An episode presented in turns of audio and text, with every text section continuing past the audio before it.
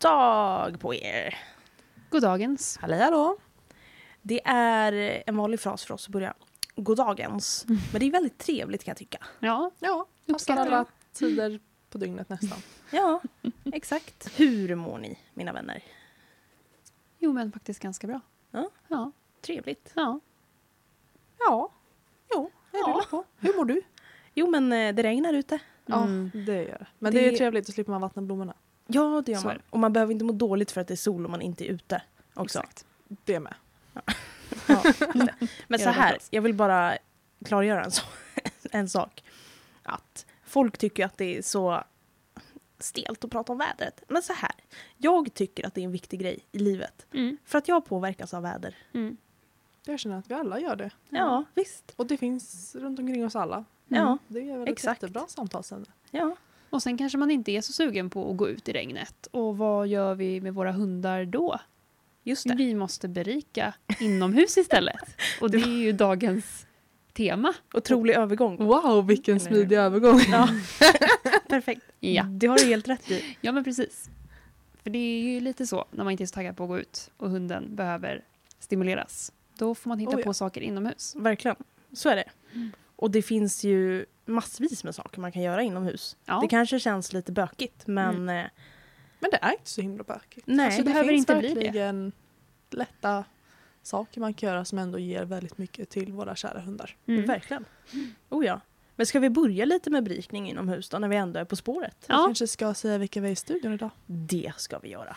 Helt rätt. I studion idag har vi Linan. Mange. Och Hasse. Då kör vi igång.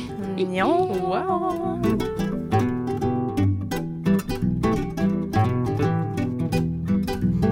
Ja då. Med en eh, berikning för hundar inomhus. Ja, exakt. Jag tänkte, jag kastar en fråga till dig Hasse. Jaha. Vad är det första du gör med Lumen om du vill berika henne inne? Inomhus. Det är lite olika grejer som vi brukar ha för oss när vi Mm. är inomhus och hon ska berikas. Ibland så får hon ett ben som hon kan tugga på. Och då menar jag inte de här eh, små tunna hudbenen som slukas på 0,3 sekunder. Eh, Mm. utan jag menar liksom ett robust ben. Man kan ju köpa såna här uh, frysta ben med fortfarande lite kött på utsidan eller Mm. insidan eh, i butikerna. Eh, Sådana brukar hon få. Så Mm. att hon får det här uh, naturliga beteendet att verkligen liksom ja, men, sitta och gnaga på ett ben och Mm. eh, kunna dra av lite bitar och, och så. Mm. Och det blir en doftberikning också. Det med.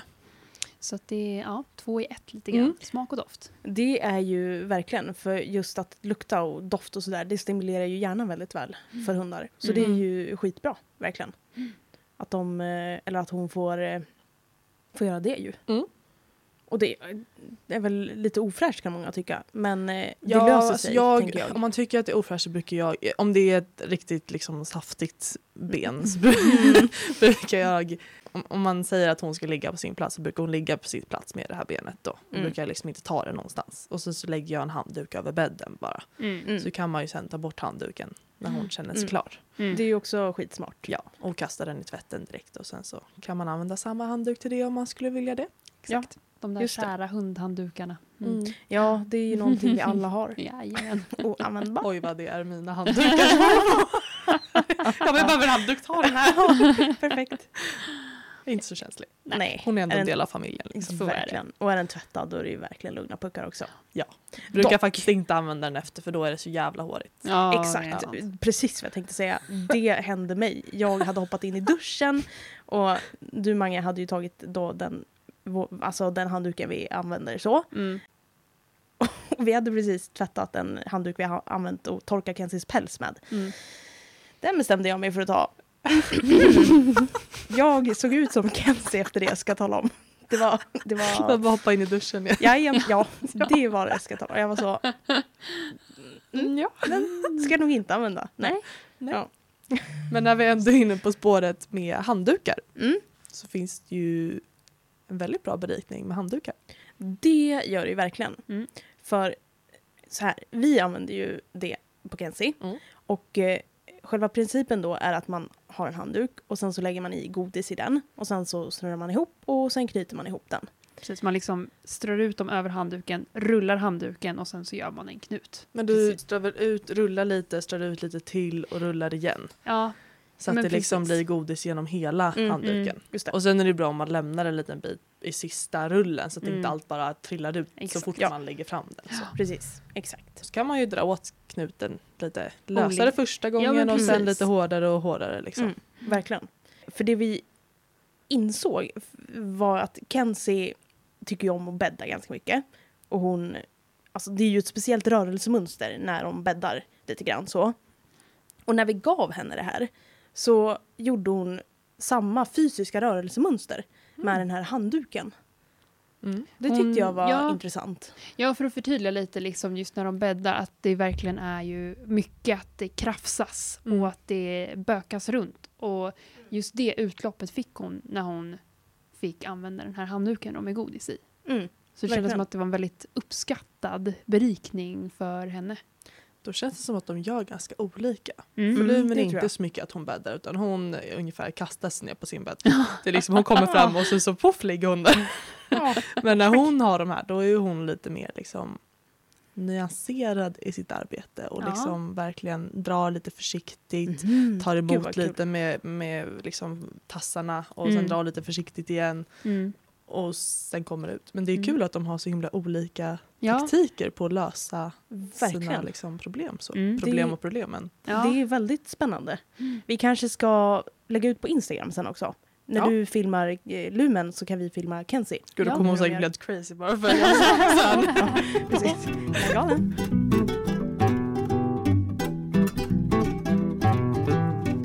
Nej men för det är ju det där att ändå hitta berikningar som är värdefulla för just individen. Mm.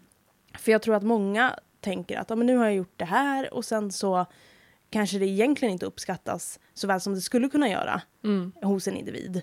Ja, jag har upplevt i alla fall med min tidigare hund som jag har haft att när jag har tänkt hitta på någon liten berikning typ för henne så har jag för det första inte kommit på någon för att jag inte haft liksom någon fantasi och varje gång man har försökt ja, men kanske lyssna på någon podd där man pratar om berikning så känns det som att man tar inte upp liksom några konkreta exempel utan det bara är berikning är viktigt och fantasin Mm. är liksom, det finns inget slut på den typ. Men om man står där och inte har någon inspiration och ingen fantasi då kommer man ju inte på någonting. Och de få jag kom på var liksom inte för henne och då tappade man ju lite motivationen Mm. att ge berikning för att det var inte berikning som min hund då uppskattade. Nej. Och då var det tråkigt för henne och då var det Mm. inte så kul eller ja. Mm. Så det vart lite tokigt. Men jag tror att hade jag haft det tänket som jag har idag, att man kanske tittar lite på sin hund och vilka beteenden som kommer fram naturligt och vad som uppskattas. Har du en hund som uppskattar att spåra mycket när ni är ute och går eller tycker den om att bädda mycket eller ja, vad det nu kan vara. Beteenden som uppvisas. Kan man hitta en berikning där de får göra lite samma grej? Mm. Mm. Och jag tänker på det här med ben också som jag nämnde i början att jag brukar ge till lumen. Mm. Att det är ju inte heller för alla individer. Nej. Det är ju många individer som verkligen bara kastar i sig benet och då kanske man inte ska ha ett så stort hårt ben som, som lumen brukar ha. Mm. För då blir det farligt. Mm. Och det är många individer som också kanske har foderallergier eller liknande som gör så att de inte får äta. Mm. Och då finns det ju så himla mycket mer. Mm. Verkligen. Så det här är ju bara tips och liksom så som vi kommer med nu. Sen får man ju gå utifrån sin hunds Mm. Mm. specifika behov. Ja. Så verkligen. Så är det ju verkligen. Ja, och sen tänker jag också lite det här, för vissa har jag hört lite inom liksom parentes så, alltså att, att man klagar på att ja, men, om jag ger min hund ben så gömmer de bara benen. Men det är en berikning i sig Mm. också. Jag tror många Mm. glömmer det, att de ger inte ben för att hunden tuggar ändå inte benet, den springer bara och gömmer det. Men det är ju en form av liksom naturligt beteende för hunden och det är en berikning att den får gömma någonting. Så att, eh, ja, har en hund som gömmer ben så länge det kanske inte är ben som börjar lukta. Då kanske du inte ska välja det här benet. Nej, Då får du välja något. liksom en liten Men, köttbit som ja, ligger och ruttnar i precis. Det soffan. är kanske inte så kul. Men andra ben som inte luktar på samma sätt, det kan ju vara jättekul för hunden att få gömma dem. Verkligen. Så att Ja. då kan man ju ge ben liksom som de får gömma. Mm. Mm. Och sen kan man ju se om man hittar dem och kan ge dem igen. Men ja. Mm. Men vill man inte ha kvar benet då typ i soffan så skulle man ju kunna lägga upp typ det är en liten hörna för hunden där den kan gömma sitt ben. Mm. Mm. Om, man, om den nu tycker att det är trevligt. Mm. Så. Mm. Typ lägga lite filtar och lite kuddar och så. Och ha Mm. ett ben som inte förstör allting. Mm. Eh, och så kan du gömma det där sen så kan man ju ta bort det sen. Mm. Så kan du få gömma igen sen. Mm. Precis. Verkligen. Om hunden då uppskattar det. Det finns ju många hundar som verkligen vill gömma det på exakt sitt ställe. Mm. Så är det då ju. måste den ju få göra det så. Exakt. Ja, precis. Verkligen. Så är det ju verkligen.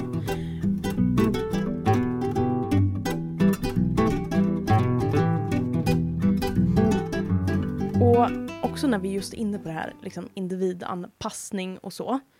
Så lek är ju för väldigt många hundar en bra berikning. Och jag är lite, ändå lite ledsen över, för våran Kenzie kommer ju som sagt ifrån ett dödsbo och sen så hamnar hon hos en familj som det inte passar så bra hos med barnen och sen nu är hon hos oss. Och hon är så himla obekväm av lek Mm. Med människor. och med leksaker för sig själv. Ja men precis, men tänker med hundar eh, som hon kommer bra överens Ja. med Ja, leker hon precis. gärna. Mm. Men just med människor och leksaker, det är så obekvämt för Mm. henne. Eh, ja men precis, och det är ju lite tråkigt kan jag tycka. För det Mm. är ju, alltså just lek är ju verkligen berikande för hundar Mm. På alla sätt och vis. Verkligen. Men här är det ju återigen en grej att individanpassa berikningen. Mm. Och sen har ju vi som mål att hon ska bli mer bekväm att kunna leka. Där har jag också er erfarenhet. Vi Har du det? en jourplacering förut. Nej, på riktigt? Eh, Oscar, som ni Jaha. känner till. Mm. Ja. En, eh, en schäfer som kom till oss och var hos oss ändå ganska länge. Och i början var han helt ointresserad av leksaker. Mm. Ville inte leka med någonting, fattade absolut noll. Men vi, alltså han, han var dock inte obekväm. Han var bara Nej, så här, ointresserad. ointresserad och Ja, fattade inte det. vad han skulle göra. Mm. Men sen liksom så, ja, vi erbjöd honom leksaker lite då och då. Mm. Mm. Och sen en vacker dag efter typ, vad kan det ha tagit, tre månader kanske? Mm. Så började han faktiskt leka med en boll. Mm. Gud vad kul. Och det var en sån där riktig Mm. så här, Mm. Det är Alltså- lite vårt mission nu i sommar att eh, ändå, för i och med att Kenzie är lite obekväm, vi har ju hittat ett sätt att lite träna med en leksak. mm, Och då har hon ju ibland vid vissa tillfällen ruskat om leksaken Mm. lite. För vi har ju liksom då tränat på att hon ska plocka upp leksaken. Mm. Eh, och när man har ett träningssammanhang på det sättet Mm. så är hon mycket mer bekväm. ja. Men hon okej. kommer på sig själv lite grann ibland. Ja. Och det är väl Ja. lite den som vi då är, ja, det är lite vårt problem. Mm. Så. Det, verkligen. För det känns ju som att det kanske har hänt någonting i leksammanhang vilket gör att hon känner att det är obekvämt. Mm. Och att hon gärna, när hon kommer på sig själv, avstår. Mm. Så. Ja. Men för att komma tillbaka då till din känsla, jag vill bara notera det. Mm. Alltså den känslan man får när man ser sånt uppenbart framsteg Mm. hos eh, ja, vilket djur som helst egentligen. Mm. Alltså den är ju oslagbar. Ja, det helt sinnes. Ja. Mm. Jag sprang för att hämta min kamera för att jag skulle kunna visa min sambo. ja. Nej, Ja, det, det var verkligen, alltså, Ja. det var jättekul att se. Mm. ja. För att innan det så han, han kom liksom aldrig riktigt ur sitt skal. Det tog väldigt Mm. lång tid för honom att komma ut och han blev verkligen en helt annan hund. Mm. När vi fick hem honom så hade han beskrivningen att uh, han är liksom helt rabiat. Det går inte att hantera hunden. Oj då. Eh, och han blommade verkligen ut. Mm. Det är en jättefin och trevlig hund. Mm. Som du har Mm. hittat ett jättefint hem. Ja. Och det är verkligen det kul att se. skönt. Mm. Men vad sa? Han var schäfer sa Mm. du? Ja. Och just schäfrar är ju verkligen, på tal om berikning då, Mm. hundar som kräver mycket mental stimulans ju. Oh, ja. Mm. Och kan, om man erbjuder dem det, att de ju kanske då blommar ut Mm. eh, och så. Så det är ju verkligen en stor del i individutvecklingen hos Mm. hundar också, att Mm. få berikning. Jag tänker på det här med lek är ju inte bara berikande för hunden. Det är ju väldigt bra för oss människor också. Mm. Och för själva liksom bandet mellan dig och din hund. Mm. Man utvecklar ett mycket starkare band om man kan göra roliga aktiviteter tillsammans. Mm. Och det här ska ju inte bara vara kul för hunden utan även för dig Mm. Mm. Verkligen. som ägare. Oh ja, och det saknar jag som sagt då med Kenzie. För jag känner Mm. att det är ju verkligen en väg att kunna skapa en starkare relation och kanske då till slut ett band. Eh, så det hade varit fantastiskt om, det är också så här ett mått om, eller en liten eh, indikation på att hon eh, blir mer bekväm om hon skulle börja leka. Mm. Så det är ju fint i sig då. Mm. Eh, men det hade varit trevligt redan från början att kunna ha det som ett litet verktyg för att kunna utveckla relationen. Så det är ändå lite faktiskt mäckigt när man måste se till väldigt mycket andra aspekter för att kunna utveckla relation. Mm. För jag tror att Mm. det första folk tänker på är ju lek när det kommer till att skapa en relation till en liksom, hund. Att om man träffar en ny hund att man eh, busar lite och kanske kastar en leksak, boll och så vidare.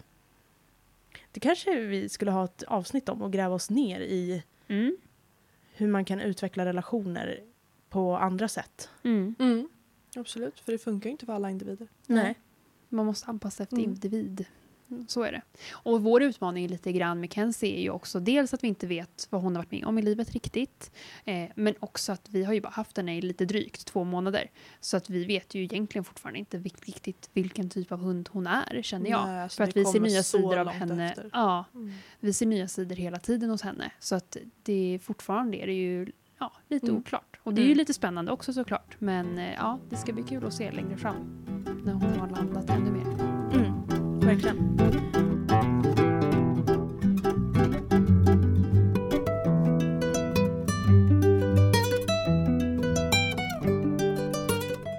Men på tal om det här med ben och sådär. Viltspår är ju någonting man ju verkligen kan berika eh, hundarna med. Med liksom slutstation då ett ben Mm. eller så. Men du Hasse brukar ju, vi har också spårat med Kenzie då, men du har ju mer erfarenhet av det. Mer och mer. Men vi, jag och eh, en av våra tidigare kursare Mm. har spårat en hel del med våra hundar. Mm. Eh, och vi och våra hundar tycker att det är väldigt kul och berikande. Och det är, det är ju det här som du sa med att benet är i slutet. Och att det är så viktigt att hunden liksom får hitta den och liksom får öka sin, liksom, sitt självförtroende lite. Mm. Mm. Med att de verkligen har hittat en sak. Mm. Och sen brukar ju våra hundar då få bära med sig benet tillbaka till bilen Mm. och vara liksom lite stolt ett tag. Mm. Och det, det syns så tydligt att de blir så glada när Mm. de lyckas liksom åstadkommit Mm. det själva. Mm. Och det är verkligen det är kul och det är också, ska inte säga utmanande, men alltså det är en jättebra träning. Alltså när vi kommer hem, man kan lägga spår på 50 meter rakt fram och Mm. hunden kan vara helt slut hela kväll, så resten av kvällen. Mm. Det är verkligen liksom en, en bra berikning som ändå, det tar lite tid, man måste ju lägga spåret ett tag. Mm.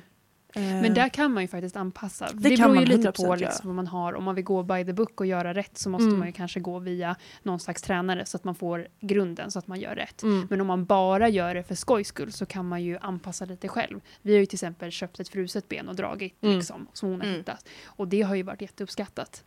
Ja, man behöver ju inte ha en klöv. Nej, Alltså man kan ju ta någonting man hittar i djurbutiken. Det har Mm. vi gjort några Mm. gånger när vi inte Precis. har haft tillgång till Mm. klövar. mm. Verkligen. Mm. Ja, alltså för hunden är det ju kanske skitsamma vad den, och sen är väl en klöv jätte eh, värdefullt för hunden. Ja. Mm. Men själva beteendet att få göra det är ju berikande i sig.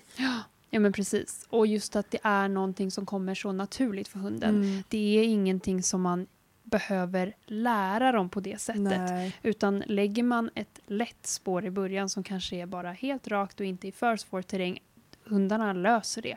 Mm. Led Alltså- fram hunden till spåret och den kommer Mm. att falla in i det. Ja det här har ju jag gjort med alla de här uh, jourhänstlosteringar som vi har haft. Och Mm. det har inte varit något problem med någon Nej. hund. Alltså de har verkligen uppskattat det allihopa och Mm. tyckt att det är en jättekul grej. Mm.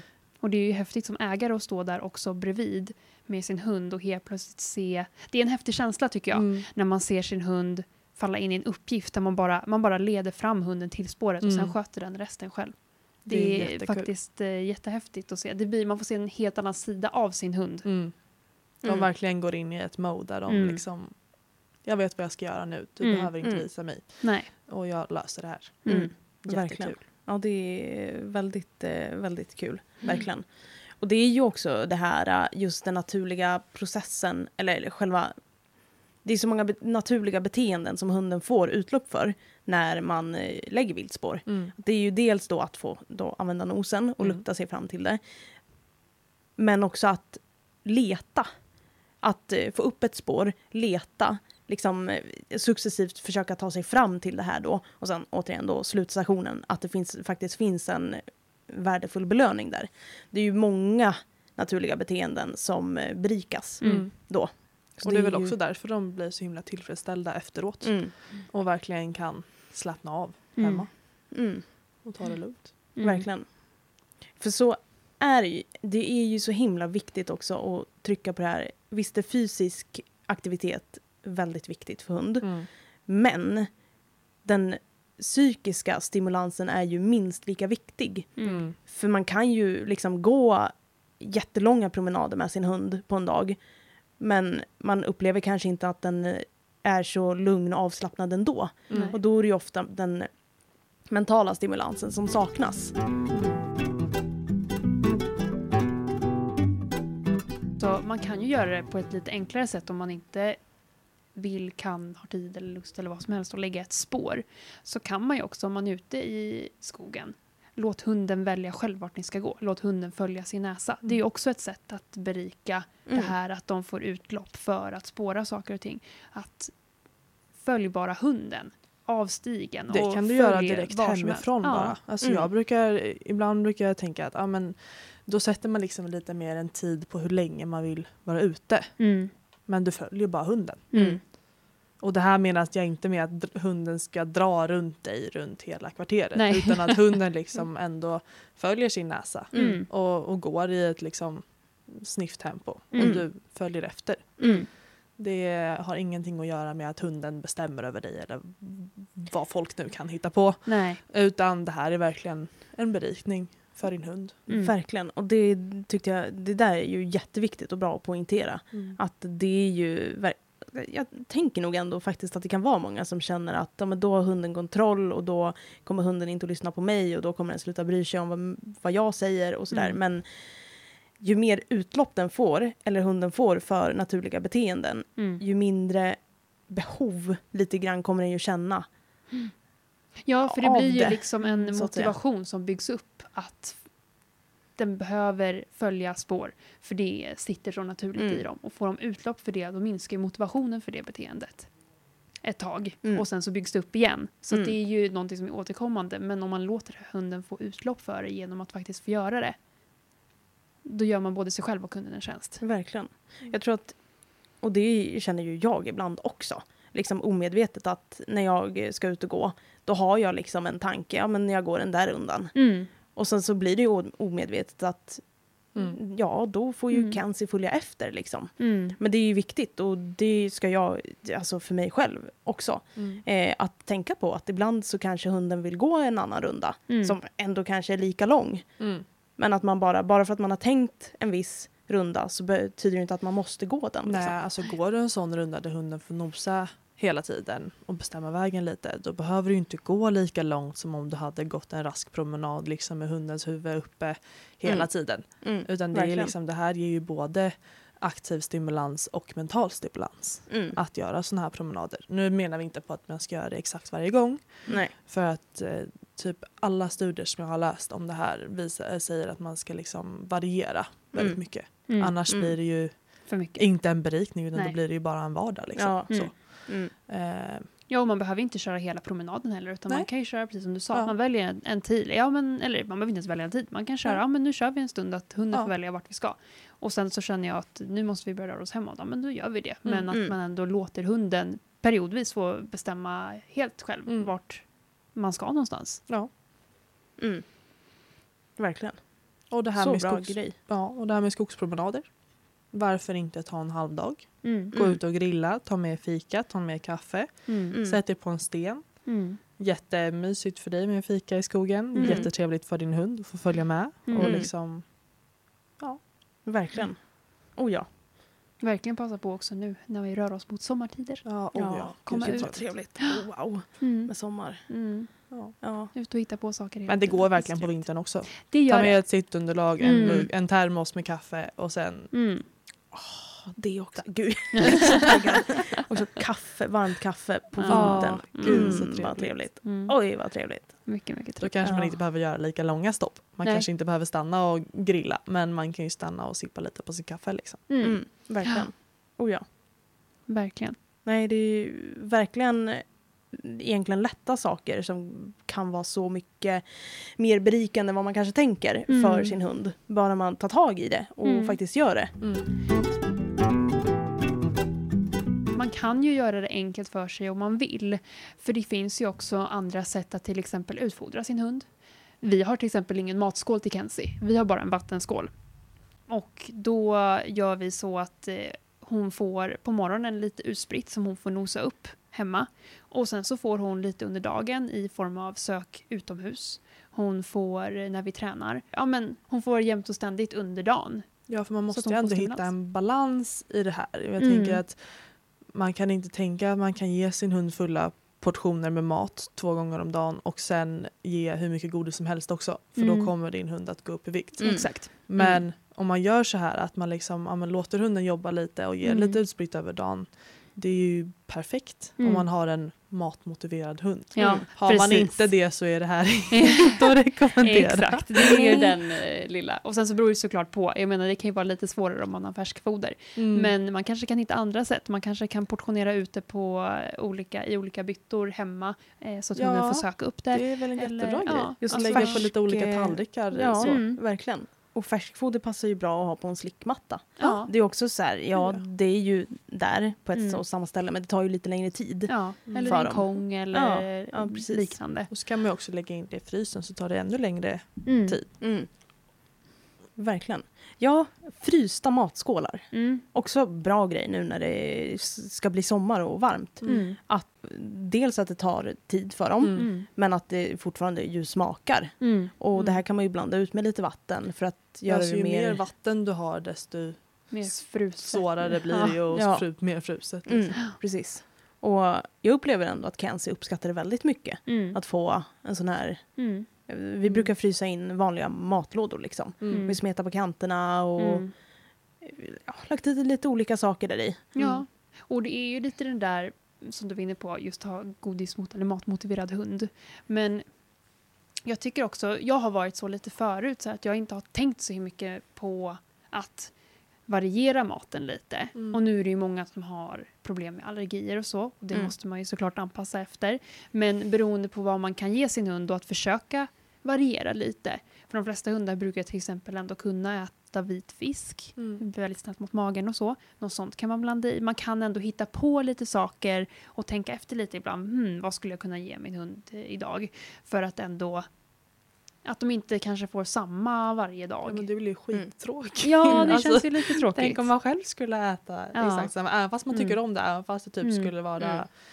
jag vet inte, Langos. Mm. langos varje dag, varje måltid. Mm. Så alltså man, man tröttnar Ja. efter ett tag. Alltså oavsett. det där. Mm. Jag har tidigare i mitt liv, när, när jag började så här processen i att ja, men djur är inte som människor och man kan inte förmänskliga djur och hit och dit. Jag var ändå väldigt mycket i det här att hundar bryr sig inte Mm. om variation i maten. Mm. De förstår inte. Mm. Men nu när jag kan lite mer än vad jag kunde då, Mm. då är det ju ganska uppenbart att det är ju givetvis att Mm. de berikas av olika smakupplevelser. Mm. Ja. Alltså det är ju vad de har utvecklats för eller selekterats för i det naturliga Mm. också. Mm. Olika liksom, smakupplevelser, att de jagar olika Mm. byten då och då. Mm. Så det är ju bara, just, ja, bara det. Mm. Att de får äh, käka olika saker. Att det är Mm. berikande. Ja, och sen är det lite tråkigt för att jag tycker att det lever kvar väldigt mycket. Jag har ju jobbat i djurbutik för ett tag sedan, eller ganska länge sedan nu. Men jag tyckte att det var ganska genomgående att det är så vanligt att ha tänket att hunden ska äta torrfoder och det ska alltid vara samma. Och man ska vara jätteförsiktig när man byter torrfoder. Mm. Men om man har en hund från valp som inte uppvisar någon allergi. Jag skulle säga att det är jättenyttigt att då ge dem mycket olika saker så att man vänjer magen vid olika grejer. Mm. Och att då för att sen kunna variera maten fortsatt genom livet. Och nu är det såklart, jag har själv haft en hund som är väldigt känslig i magen. Jag har haft liksom mycket det, så att man måste såklart anpassa. Men att ehm, jag tror ändå mycket på allergier och sånt, att det ändå kan i vissa fall undvikas genom att man utsätter. Man kan ju testa sig fram. Ja, exakt. För när jag hade min hund så var han jättekänslig i magen när han Ja. var liten. Han Mm. kunde liksom knappt äta en halv pomme innan det var diarré i tre dagar. Mm. Ja. Och sen när han blev äldre Mm. så kunde han äta exakt vad som helst. Ja. Jag kunde Mm. göra ett foderbyte på en dag. Mm. Om det Mm. liksom behövdes. Det var Mm. någon gång vi var liksom borta och maten tog slut. Och han behövde ha mat. Mm. Mm. Och de hade inte den maten. Mm. Så då var det bara att köpa någon annan och det gick Ja. Mm. smärtfritt. Alltså ingen fara. Precis. Det var så bra. Mm. Ja, så jag tänker att har man en hund som inte uppvisar liksom de problematiska beteenden som Mm. kan finnas Mm. eh, så variera maten. Men även om man Våga har en känslig byt. hund, byt varannan påse då och liksom gör alltså, halva påsen Mm. att ni vänjer av långsamt. Mm. Mm. Men ändå att man byter lite då och då. Ja, Mm. Det, ja, om det går. Det finns Ja, ju precis. verkligen ja. Mm. Men för att jag menar, jag hade också en hund nu, min förra hund var också ganska känslig. Mm. Men vi bytte ändå torrfoder, ja men inte varje säck men nästan. Mm. Och då gjorde vi så att vi vande in långsamt. Mm. Och då var det inga problem. Mm. Och hon fick ändå lite variation. Och sen så visste jag, ja men vissa färskfoder eller vissa blötmat sådär gick ändå bra. Och då kunde man variera lite med det också. Så att, eh, ja. Det är kul med variation. Ja, Även för verkligen. verkligen. Oh, ja.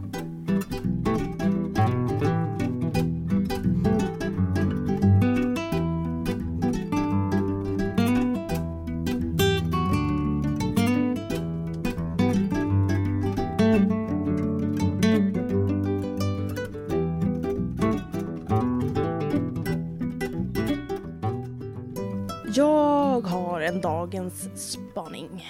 Wow. Väldigt färsk, sen i morse i talande stund. Ah, wow. Ja. Låt oss höra. Den lyder så här. Att våran kära riksdag vill att medicinska, medicinsk forskning då på djur inte ska behöva regleras av en etisk nämnd längre. Jaha, Ja. Men det var jättebriljant. Ja, det tyckte de ju. Och Mm. det här då menade då, det var en representant från Liberalerna som pratade. Och han menade då att det här förstör arbetet för forskare på medicinsk, alltså eller för medicinsk forskning då. För att det är så mycket administrativt arbete om man ska behöva fråga den etiska nämnden då om man får utföra då djurförsök.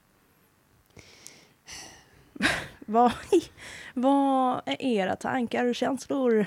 Alltså problematiken finns ju redan att typ all forskning som frågas om den får ske redan godkänns av etiska nämnden. Mm, japp. Bara det i sig är lite av ett problem för att mycket forskning som kanske egentligen inte borde få utföras på djur för att det kan vara plågsamt Mm. kanske borde till och med nekas. Men Ja. idag, i dagsläget så godkänns ju i princip all forskning på djur. Ja, det gör den. Och då om man dessutom tar bort den etiska nämnden som ändå har någon slags möjlighet att bromsa om det är helt tokigt. Mm. Ja, stackars våra djur i vanlig ordning. Nej, men alltså, det det här får ju är inte ske. Nej, det Är är, det någonting som liksom är fastställt eller är det någonting som de lyfter frågan om? nej, det är ett förslag då. Okej, att ja, de tack. vill att det ska Mm. förändras och att de vill att det ska gå i den riktningen. Och det är ju verkligen, som sagt, det är ju katastrof. Alltså om det här går igenom, då har vi ett jävligt stort problem Mm. när det kommer till djurens välfärd. Ja, det har vi. Då vet jag knappt vart jag ska ta mig till, helt ärligt. Alltså för det är ju verkligen det värsta som kan hända. Mm. Alltså att ha kommit ändå så långt, eller så pass långt att man verkligen har en etisk nämnd för att kunna reglera de försök som inte är nödvändiga. Att ta bort det, då, då alltså, ha, hallå? Mm. Liksom. Det känns bara fruktansvärt sorgligt också med tanke på att det känns så himla motsägelsefullt mot arbetet som redan sker. Särskilt när det finns ändå arbete redan kring att försöka forska utan djur helt. Mm. Varför då? För mig blir det helt orimligt.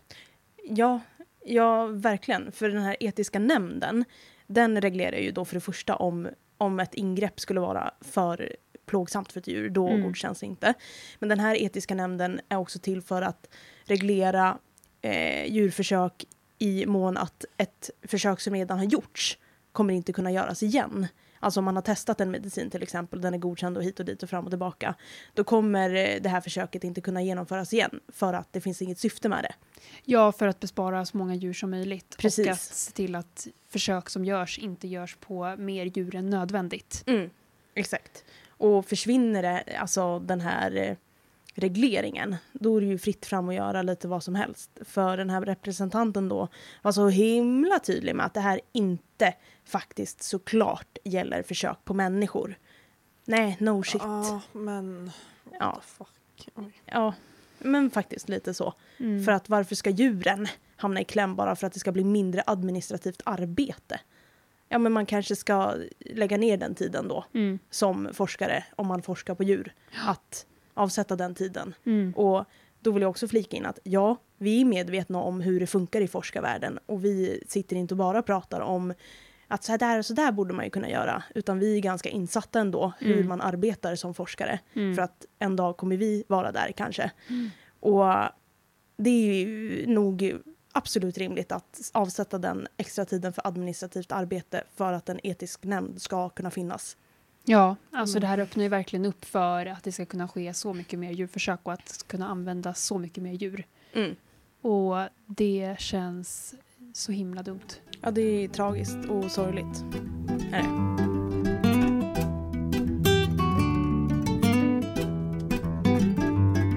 Jag tänkte, du nämnde ju Hasse, det här med att viltspår är eh, självförtroendestärkande. Mm. Någonting annat som också är det är ju nosework. Ja. Och det är väl lite samma princip då. Mm. Men nosework är ju en sport, vilket ju viltspår också är, men det är två olika sporter då. Men det här i alla fall började vi med för att försöka få upp Kensis självförtroende och självkänsla.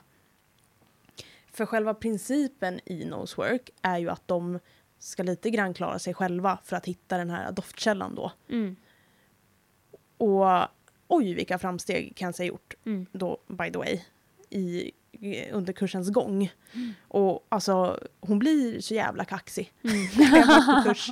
Men eh, ni går alltså en, en kurs i det här? Ja, det Ja. gör vi. Eh, vi går på Hundens och djurens beteendecenter här i Linköping. Mm. Wow! Ja. Mm. Vi alla är ju då fans av Anneli som driver det. Hon är otroligt duktig. Mm. Eh, nej, men det, för, jo, för själva grejen i nosework är ju att hunden får ju inte be om hjälp. Mm. Eller den ska inte be om hjälp.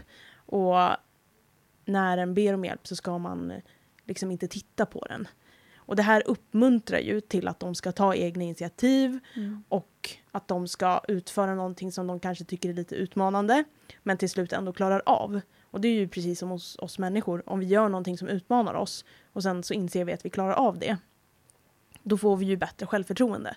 Och självkänslan ökar ju. Mm. Och det är precis samma sak hos våra hundar. Mm.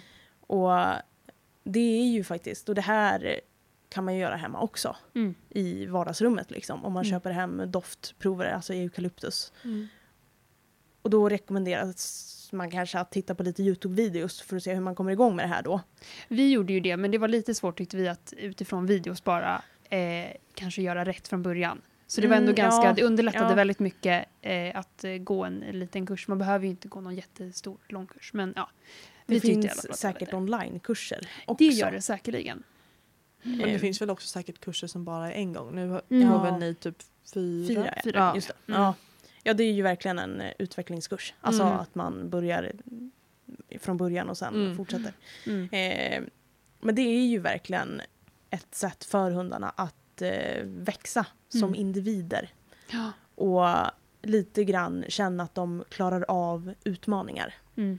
Och det är ju fantastiskt fint också att se. Mm. När, när man märker att det är lite kämpigt Mm. för dem. Men sen till slut så hittar de ju den här källan och får jättemycket belöning. Mm. Och mm, tycker att livet är tipptopp. Mm. Mm. Ja, och jag tycker det är så roligt just att man, jag tyckte att vi såg skillnad i beteende hos Kenzie redan efter första gången vi var där. i form av liksom vad hon vågade göra. Att hon Mm. tog för sig lite mer. Och, för när hon kom till oss var hon väldigt osäker på små trånga utrymmen och eh, om det var lite mörkt och sådär. Men numera liksom går vi förbi liksom typ en, eh, ja, en källarlokal som står lite halvöppen. Ja, då ska hon in där först själv liksom för att bara in och undersöka. Ja. Och det är någonting som hon absolut inte hade gjort för några veckor sedan bara. Nej, alltså verkligen det, inte. Hon, det, man hade själv gått in och hon, hon hade inte velat följa med. Mm. Nej, nej, nej. Alltså, bara hemma. Ja. Hon ville ju inte gå in på toaletten eller Nej. badrummet. Hon gick ju och la sig ute i vardagsrummet, ja, Ja. köket. Mm. Eh, Men jag tänkte på Lumen. Ja. Har, har du märkt några liksom skillnader i hennes självförtroende efter att ni började med viltspår? Alltså Lumen är också ganska ny hemma hos oss. Mm. Hon kom till oss i september. Mm. Eh, så vi ser ju fortfarande nya sidor av henne hela tiden. Det jag märker från viltspåret är väl att hon hon är liksom nöjd. Mm. Det kan, vara i flera dagar efter. Men det är ju jättefint att hon kan vara nöjd flera dagar efter. Ja, ja. Alltså, det är alltså, ju- det är jätteskönt. Alltså, det, man, man märker verkligen på henne efter att man har varit ute. Mm. Men det är liksom ingenting, det är ju den här nöjdheten håller sig ju inte kvar i flera veckor. Nej. För då, då vill hon ju liksom spåra igen Mm. så. Ja, men det är ju det Eh, där med motivationen, att den byggs ju upp igen. Ja, exakt. De får ett utlopp och sen så sakta byggs den upp och sen Ja. behöver de få utlopp igen. Ja, exakt. Så så är det ju. Jag funderar på det här med att gräva. För Ja. det känns ju, eller det är ju väldigt naturligt för hundar att gräva. Kanske lite oönskat av människor om det är rabatten. Exakt vad jag skulle komma till. Ja. Det, alltså, det har jag ändå tänkt på, att just Mm. gräva är ju någonting man ju ofta liksom stoppar hundarna ifrån. Ja. Med kanske då all rätt om det är rabatter, man Ja. planerar grejer. Mm. Då är det ju också en möjlighet att lära in det här beteendet då att kanske inte gräva just där, Mm. men någon annanstans med bra metoder och hit och dit. Men hur ska man låta hundarna få utlopp? Ska man liksom, alltså det är bara en tanke nu. Mm. Ska man gå någonstans där de får gräva?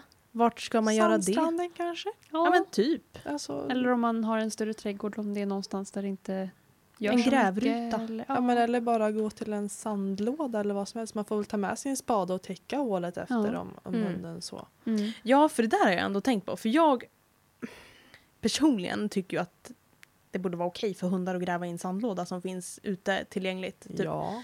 Men det är ju många som eh, nog tycker att det är till för barnen och det är inte okej att eh, hundarna är och röjer där. Sen så kanske hunden Okej. inte ska Vet bajsa ni hur mycket kissa, men- fåglar det är som går i de där lådorna på nätterna och kvällarna och när det inte är några barn där? Jag tror att min hund är lite renare än era fåglar. Ja, men eh, så känner jag också. Mm. Så. Ja, men jag har sett ändå så här videos på folk som har hundar som hjälper till att plantera saker. Jag tänkte på det. Ja, och det, Det är så är, så fint tycker Ja. jag. Jag blir så glad i hjärtat när man ser då en hund som får gräva och så är det någon som sätter ett litet frö och täcker igen och så Mm. får de gräva nästa. Och det är ju ett jättefint sätt att liksom samarbeta med Mm. sin hund. Och det är ju också ett bra sätt att kunna lära in en startsignal och en Mm. stoppsignal. Men att de ändå får utlopp för det här beteendet Mm. ju faktiskt. Mm. För det är ju som sagt många som släpper ut hunden i trädgården och så börjar den gräva för att den har behovet av det. Mm. Och sen så säger man bara nej nej, gör inte Mm. det där. Men då istället att man kanske har en stopp och start. Eller en start och stoppsignal Mm. för det. Mm. Mm. Ja, jag kan se ganska stort behov av att gräva och att alltså så här, hon kan ju gå in och så kan hon bädda vid sin bädd, liksom gräver ut allt som ligger i bädden och sen går hon och lägger sig och sover i sängen. det Hon är väldigt, eller tvärtom, att hon hoppar upp i sängen och röjer runt bland prydnadskuddar. De flyger och det är Ja, de pälsar verkligen överallt och det är liksom, flyger. ja. Och sen går hon och lägger sig någon annanstans. Så att det är väldigt stort behov av henne av att liksom röja. Ja. Men alltså det var ju någon gång hon hoppade upp i sängen och röjde och kuddarna ligger ju där. Och det var kuddar som, alltså de flög in i köket i, mot luckor och då jag bara, vad är det för bombnedslag? Känns man. Vadå? Vadå då? Det är jättekul det här. Ja, det är jättebra. Mm. Du pratar om berikning. Mm. Se här. Nej, ja. Så det är ju gulligt. Mm. Ja, just gräva är något som Lumen inte får göra så ofta för hon ska käka jord. Ja. Ja. ja, det är ju lite det också, att de gärna vill äta där de gräver. ja, men det var lite våra tankar kring berikning hos hund. Ja. Då.